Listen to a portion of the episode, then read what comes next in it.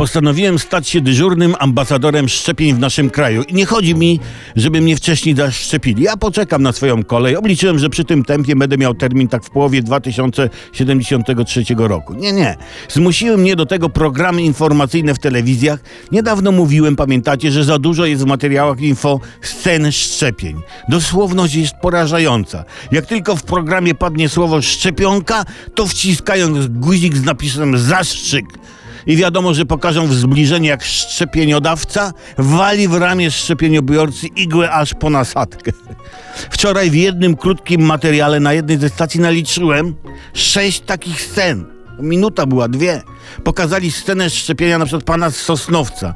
I zamiast pokazać, gdzie mieszka, gdzie chodził do szkoły, z kim zdradza żonę, to od razu widzimy, jak igła wbija się w jego kończynę.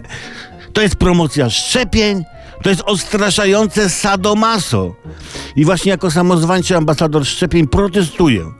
Aby promocja szczepień odniosła skutek, szczepienie powinno kojarzyć się z czymś miłym, pozytywnym. I apeluję do kolegów z telewizji, nie chodźcie na łatwiznę. Dawajcie jakieś sympatyczne przebitki zamiast tych obrazków z igłą.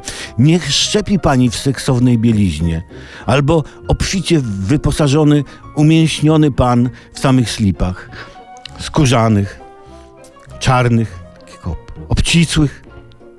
Dobra, e, można jako przebitkę dać, no nie wiem, Królewnę Śnieżkę, Mazurskie Jezioro, Bramkę Lewego, Skok Stocha, a nie od razu jakieś ramię pierdut w nie igłą, no.